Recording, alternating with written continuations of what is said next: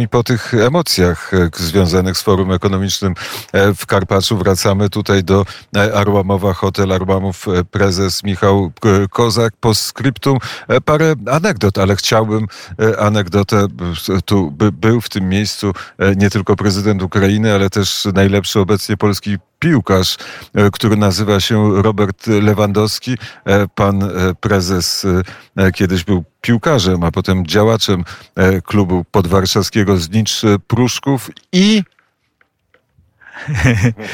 I, I, rzeczywiście to taka pasja moja niespełniona.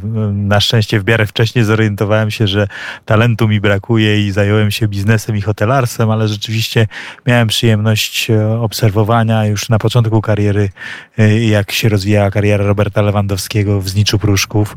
E, jakieś tam 15 lat temu pewnie to było, a niedawno widziałem go na zgrupowaniach reprezentacji Polski w roli kapitana tutaj w Arłamowie, więc no duży szacunek do tego, co Robert sportowo osiągnął. Mieszkał tu u nas w pokoju, który pewnie będziemy chcieli oznakować tak, jak mamy oznakowany pokój Lecha Wałęsy czy Anity Włodarczyk, bo, bo, bo, bo, bo Robert rzeczywiście tutaj spędzał czas na zgrupowaniach przed Mistrzostwami Europy we Francji i przed Mistrzostwami Świata w Rosji. Ale zanim rozpoczęła się wielka kariera Roberta Lewandowskiego, był piłkarzem Legii, a potem trafił do Znicza Pruszków. No tak, to cała Polska zna tę historię, że rzeczywiście e, no, w wieku 18 lat e, pojawił się w Pruszkowie i myślę, że tam tak naprawdę e, rozpoczął swoją taką profesjonalną i, i budowę swojej kariery, którą rozwinął do tego stopnia, do którego chyba nikt wtedy w Polsce nie był w stanie sobie nawet wyobrazić. No, kto mógł sobie wyobrazić, że chłopak, który gra gdzieś tam w drugiej lidze czy w pierwszej lidze w Zniczu Pruszków będzie strzelał w półfinale Ligi Mistrzów po cztery bramki Realowi Madryt i będzie najlepszym piłkarzem świata, e, rywalizując śmiało o, tę, e, o te miejsce z Leo Messim czy z e, Cristiano Ronaldo. Także znakomita kariera i wiem, że to wynika po pierwsze z talentu, ale przede wszystkim z ciężkiej pracy, którą na pewno Robert wyko wykonywał już za młodu, że tak powiem, bo widziałem w Zniczu, jak był skupiony na tym, żeby, żeby, żeby ten, to, to coś, co chciał osiągnąć, to żeby do tego doprowadzić pewnie mamy gdzieś tam pokrewne filozofie. To powiedziałem w poprzednim wejściu, że miarą biznesu i pracy w biznesie jest skuteczność. Pewnie w sporcie jest podobnie. E, to, to, to prawda, że trzeba się napracować, żeby cokolwiek mieć i cokolwiek osiągnąć. Ja odwracam głowę, patrzę, w którym miejscu jest ten e, apartament e, prezydencki, bo tu też taki apartament jest. Rozumiem, że i głowy państw się tutaj zatrzymują.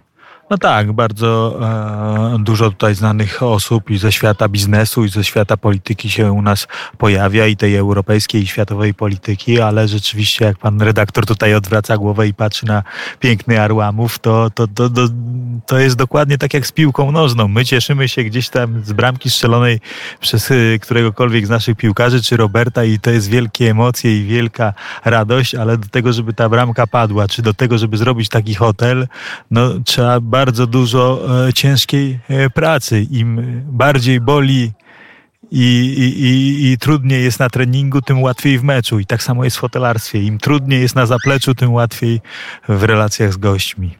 To teraz trochę o e, pieniądzach porozmawiajmy.